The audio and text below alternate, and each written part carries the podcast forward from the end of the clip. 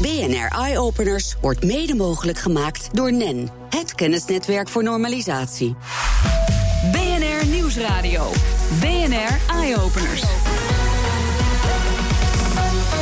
Meindert Schut. Goed dat je luistert eh, voor weer een half uur bomvol innovaties. En we beginnen vandaag bij onderzoekers van de Technische Universiteit Eindhoven. Die hebben namelijk een nieuwe techniek ontwikkeld die zelfdenkende medicijnen weer een stap dichterbij heeft gebracht. Er worden natuurlijk al pillen ontwikkeld die de afgifte van een medicijn kunnen timen, maar een uh, nieuw DNA-computertje moet het straks mogelijk maken om antistoffen in het bloed te detecteren en op basis daarvan dan precies de goede dosis te berekenen. Iemand die het veel beter kan uitleggen waarschijnlijk is hoogleraar uh, Biomedical Chemistry Maarten Merks van de Universiteit uh, Eindhoven. Welkom in de studio. Laten we maar eens even beginnen met dat DNA-computertje. Want dat is de basis eigenlijk van deze uh, ontwikkeling. Hoe werkt dat? Ja, wat we, dus als we dat uh, medicijn slim willen maken, dan hebben we een computertje nodig, zoals ja. je zegt. En dan kunnen we niet het computertje gebruiken wat we hier voor ons uh, zien staan. we willen een computer maken die uit moleculen bestaat. En dit is een computer die bestaat uit DNA-moleculen.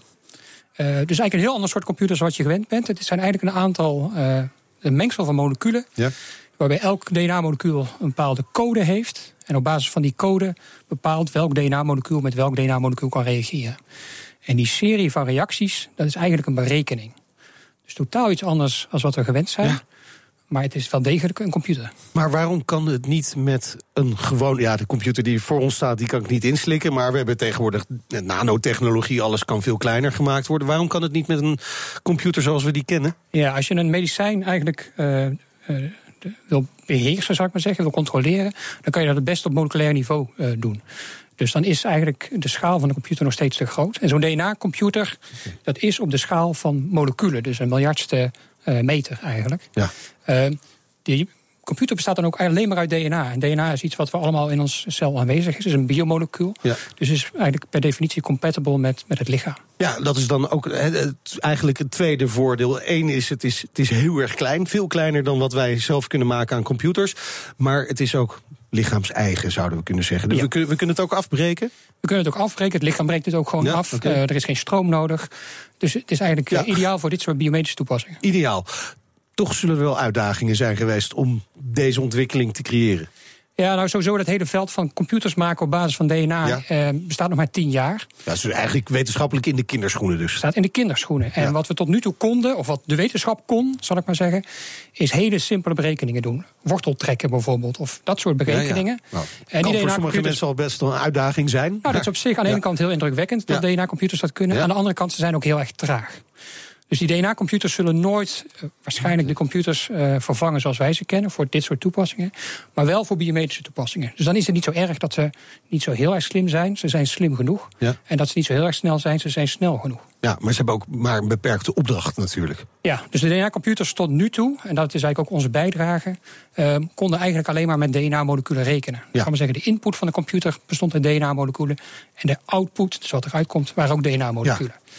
Eh, wat wij nu hebben gedaan in Eindhoven is een, is een manier bedacht waarmee we die DNA-computer in zijn omgeving kunnen laten kijken. Dus dat we bijvoorbeeld bepaalde stoffen die in het bloed zitten, zogenaamde antistoffen, Ja. dat zijn stoffen die het eh, immuunsysteem aanmaakt, als, als er een ziekte optreedt, een infectie bijvoorbeeld, eh, dat we die antistoffen kunnen gebruiken eh, als input voor de computer. Dus dat in aanwezigheid van bepaalde antistoffen, dus een bepaalde ziekte, Ja. die computer aan de slag gaat, gaat rekenen. En op basis van die berekening bijvoorbeeld een medicijn afgeeft. En ook berekent hoeveel van dat medicijn nodig is. Kijk, en daar wordt het belangrijk dus. Hè, dat die, dat DNA-computertje kan dus die antistoffen detecteren. Kan ook detecteren hoeveel antistoffen er in het lichaam zijn. En op basis daarvan dus de juiste hoeveelheid medicijn afgeven. Precies. En dat is het unieke van dit systeem. Ja, dat is wat wij. eh, dus die stap hebben we nu gemaakt. Ja. Dat we zo'n DNA-computer kunnen gebruiken om antistoffen in het bloed te meten. En daar simpele berekeningen mee te doen. Ja, maar ik noemde het begin al, hè, eh, de, die pillen die we nu al hebben... die automatisch medicijnen kunnen afgeven, eh getimed. Hè, nu kunnen we een bepaald tijdstip kunnen ze... en op locatie kunnen ze medicijn afgeven. Waarom is dat niet goed genoeg? Nou, die zijn al beter als veel van de medicijnen Ja. die we nu hebben. Alleen eh, die laten het medicijn met een bepaalde snelheid los. En voor sommige mensen is die snelheid te hoog. En voor sommige mensen is die snelheid te laag. Er zijn heel veel verschillen tussen patiënten eh, in hoe ze met medicijnen omgaan. Dus wat wij hopen te bereiken, hè, met het systeem waar wij aan werken, is dat in de patiënt, wordt bekeken wat er nodig is en hoe snel het nodig is. Dus dat is eigenlijk een stap verder. Het medicijn past zich aan op de patiënt. Echt maatwerk dus. Echt maatwerk. Ja, uh, je zegt al hopen te bereiken. Uh, hoe uh, sterk is die hoop? Nou, die, sterk, die hoop is, is heel sterk. Ik denk dat de stap die wij nu gemaakt hebben een hele belangrijke fundamentele stap is. Ja. Die ook heel veel verschillende toepassingsmogelijkheden heeft. Dus het is heel moeilijk om nu precies te schetsen wat er over vijf jaar ja, op de markt is. Ik kan me voorstellen dat je nu niet zomaar nu zo'n zo'n pilletje bij iemand naar binnen brengen, nee, toch? Nee, nee, dat je s morgens even, hup, we gaan eens even testen vandaag. Nee, nee, wat, wat, wat, we hebben eigenlijk één stap genomen. Dus we hebben die DNA-computer gekoppeld aan uh, antistoffen in het bloed. De volgende stap die we moeten nemen, waar we nu ook mee bezig zijn... is om uh, zeg maar zeggen, de output van die DNA-computer te koppelen aan het medicijn. Dus waar we eigenlijk aan denken is dat we straks medicijnen die nu al bestaan... Uh, gaan uitrusten met een extra okay. add-on, zullen we ja, zeggen, ja, add-on... Eh, waarmee we, uh, ja, die, die intelligent is, die bestaat uit zijn DNA-computer. Ja. Oké, okay, dus dat is de, de stap die je gemaakt. Dan weet je waarschijnlijk ook al wel voor wat voor patiënten, uh, welke ziektes dit interessant zou kunnen zijn. Ja, nou, de ziektes waar wij uh, ons op richten en het type medicijnen waar wij ons op richten, zijn zelf ook weer antilichamen, antistoffen. Dus het immuunsysteem. Maar hoe is dat?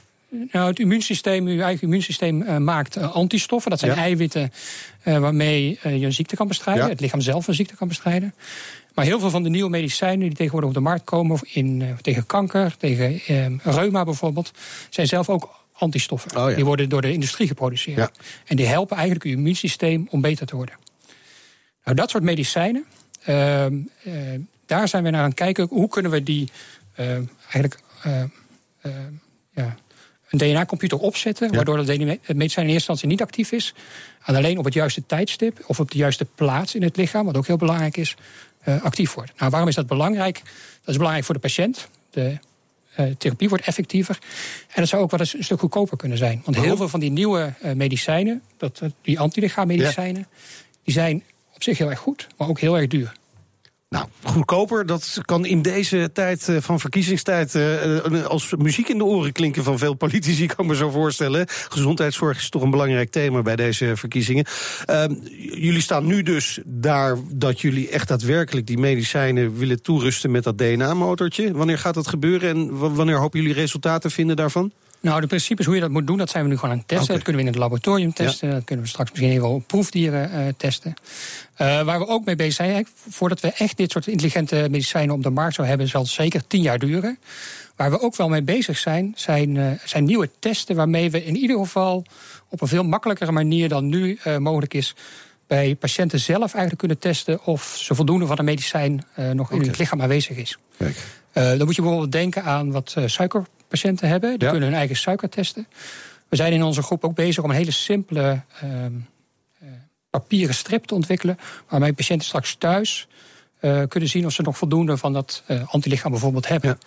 En dan maak je het al een stuk makkelijker. Hè. Nu moet je naar de dokter als je ziekte hebt. Die gaat kijken aan wat er aan de hand ja. is. Die doet een test.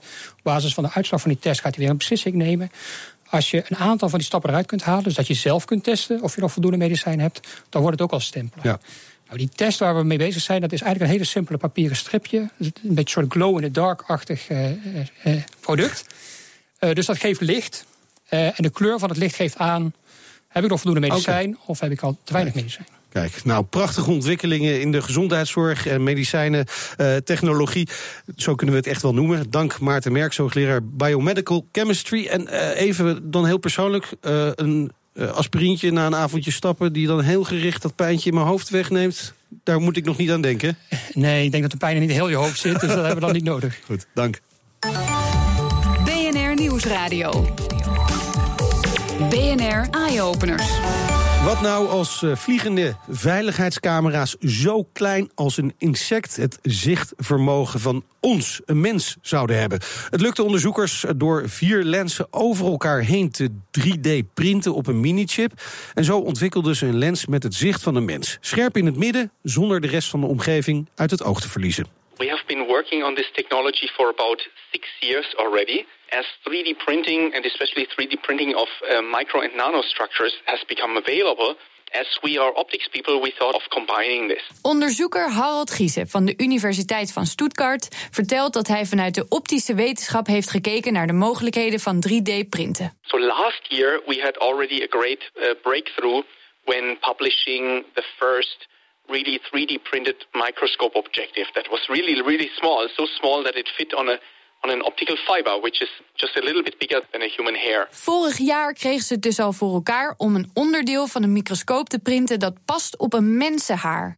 Nu is het ze gelukt om meerdere mini-lensjes op dezelfde sensorchip te printen, die samen het zicht van een mensenoog na kunnen bootsen. Maar waar is dat eigenlijk goed voor? Right now, I think some smartphone companies already come with several lenses on their smartphones um, either black and white in color or wide angle in telephoto and combine electronically the pictures, but it takes several really mounted classical lenses to be put inside, and it would be much better if you had just a little chip with uh, those lenses on there. Oké, okay, het zou dus een hele mooie, lichte oplossing zijn voor in onze telefoon.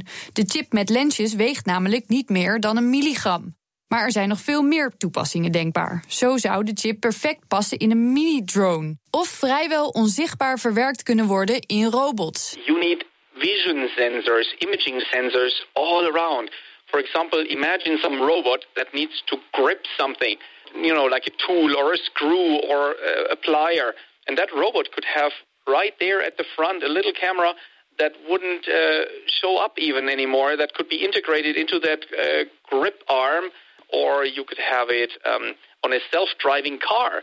You could have cameras all over your car and you wouldn't even notice them that check what is at the front, what is at the side, uh, if there are uh, people walking across the street or another car coming and so on. En dan zijn er natuurlijk nog een heleboel medische toepassingen te bedenken. If you have some image of your stomach taken, you don't want a big tube that causes nausea uh, when it is shoved down your throat. You want something that is as small as a, as a fiber, as a little hair. And then can do imaging inside of your body. Het klinkt indrukwekkend, maar ook als iets wat veel geld gaat kosten. Toch verwacht Giese dat dit wel mee zal vallen. The printer, which is from a startup from uh, Karlsruhe called NanoScribe, is really so stable, so reliable, so reproducible that pretty much anybody who had our design and who has our algorithms for printing and so on could repeat it.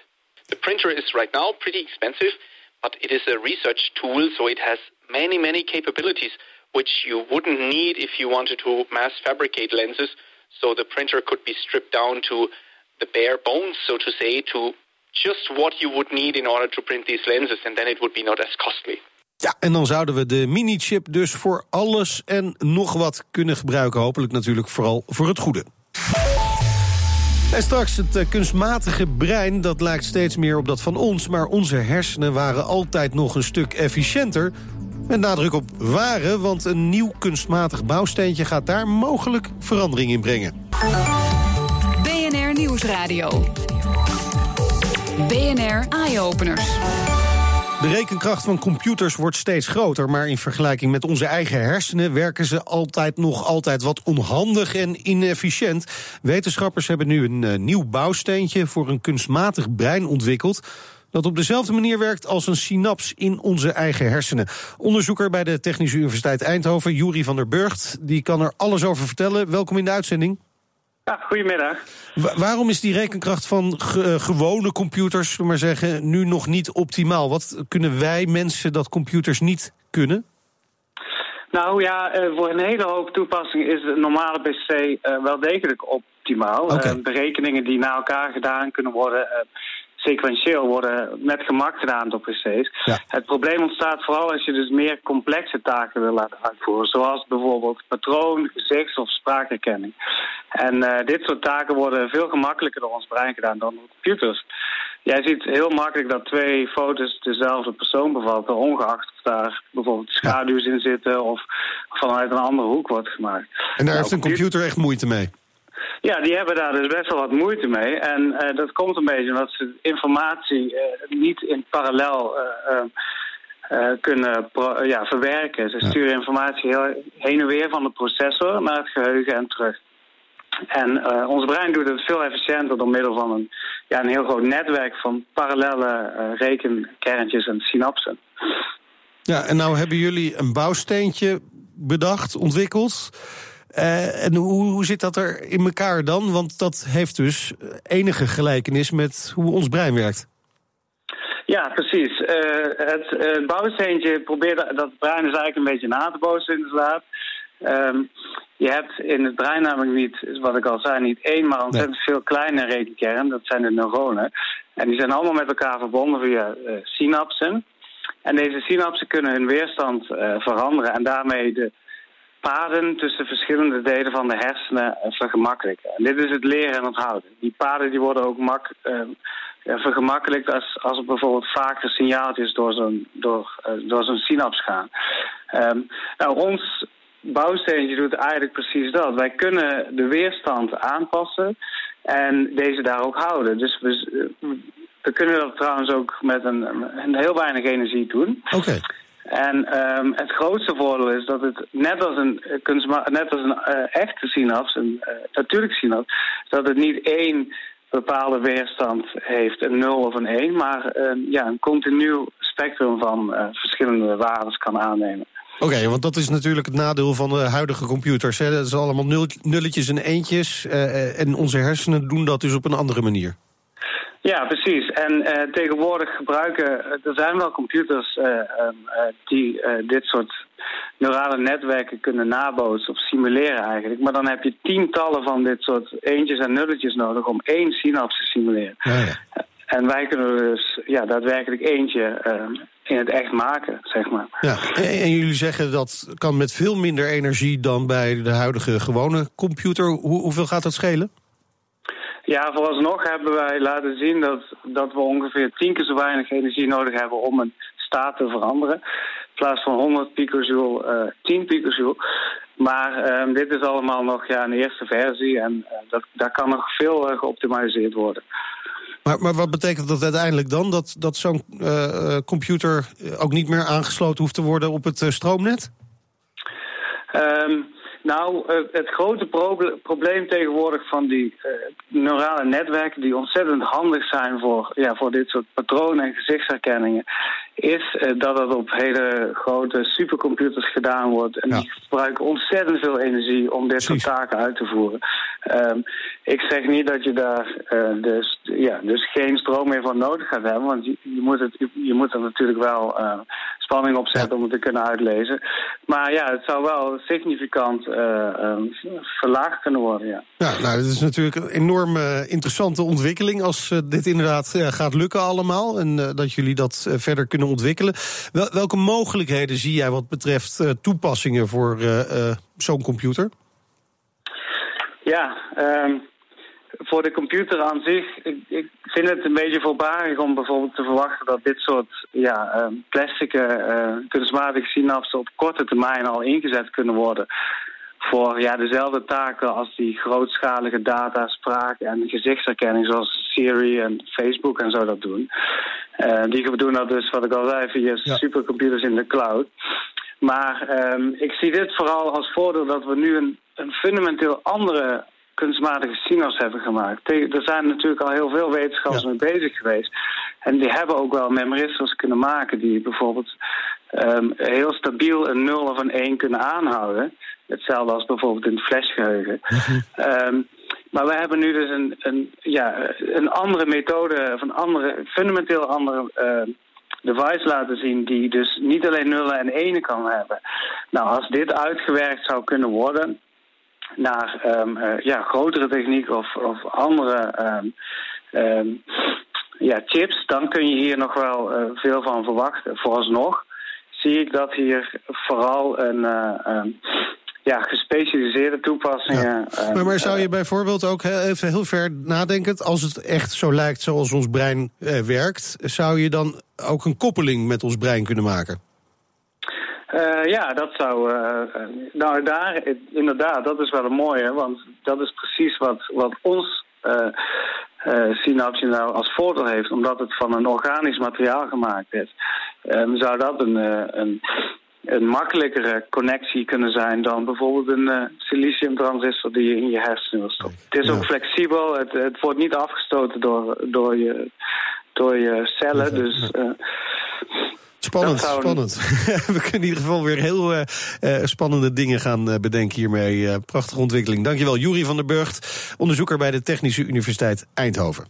BNR Nieuwsradio. Meindert Schut. Ja, de nieuwtjes uit het buitenland, leukste nieuwtjes, technologische nieuwtjes uit het buitenland. Daarvoor hebben we net als altijd aan de lijn hoofdredacteur van Nummers.nl, Elger van der Wel. Welkom, Elger. Elger. Elger is niet te horen voor mij. Maar ik hoop wel dat we contact met hem hebben. Nee, geen Elger op dit moment. Want ik wil. hey, Elger, daar ben je. Nou. Ja, sorry. Waarschijnlijk. Iemand, iemand, iemand belde me op het moment dat ik de uitzending ah, ja, oh, ik, ik, dacht dat je misschien even met een eh, rondje om de maan bezig was. Want daar gaan we het over hebben. En dat je even aan de achterkant van de maan zat. Want SpaceX die, uh, wil snoepreisjes richting de maan uh, gaan aankondigen. Dat hebben ze in ieder geval gedaan. Ja, SpaceX, commercieel ruimtevaartbedrijf van Elon Musk, die kennen we ook van Tesla. Uh, op dit moment bevoorraden zij al de ISS voor de NASA onder andere. Wat ze ook doen is uh, in de toekomst mensen naar de ISS brengen. En next thing is dan toerisme, want dan hebben ze het commerciële uh, bedrijfsmatige deel gedaan... en kunnen ze gewoon normale mensen de ruimte in gaan sturen. Er zijn twee mensen op dit moment die hebben al nabetaling gedaan... Oh. om daadwerkelijk om de maan heen te gaan vliegen... en de eerste maantoeristen te gaan worden. Hoeveel ze hebben betaald is niet duidelijk. Maar nou, jij bent het dus niet. Ik ben het, nee, nee, nee. Ik, ik, ik, ik begreep dat bij BNS wel goed betaald, dus ik dacht misschien ben jij het. nee, sorry, nee, ik heb hem nog niet gevonden, de persoon. Nee. Ik, ik, ik gok dat het Amerikanen zijn of, of van die hele rijke oliesjaak. Ja, dat kan ook, dat kan ook. Hey, uh, maar volgend jaar moet al gebeuren. Ja, wel gaaf, wel gaaf. Hey, uh, dan naar uh, Boston Dynamics, onderdeel van Googles moederbedrijf Alphabet. ontwikkelt robots voor bedrijven en vooral dan ook voor het leger. Hè. En ze hebben weer wat nieuws. Ja, ze hebben um, uh, weer een robot getoond in een YouTube-filmpje, doen ze wel vaker. Deze heeft twee wielen en twee poten en een soort knieën. Ja, je moet het eigenlijk zien hoor, maar hij, hij rijdt rechtop met 15 km per uur. Maar kan ook al rijdend via die knieën springen. 1,2 meter hoog en dan weer doorrijden. Het is echt cool. het is een soort ultieme nachtmerrie. Als je dat ding zo tegenkomt in het donker, ren je heel hard weg, maar dat ding kan sneller rennen dan jij, zo'n ja, 2 meter hoog.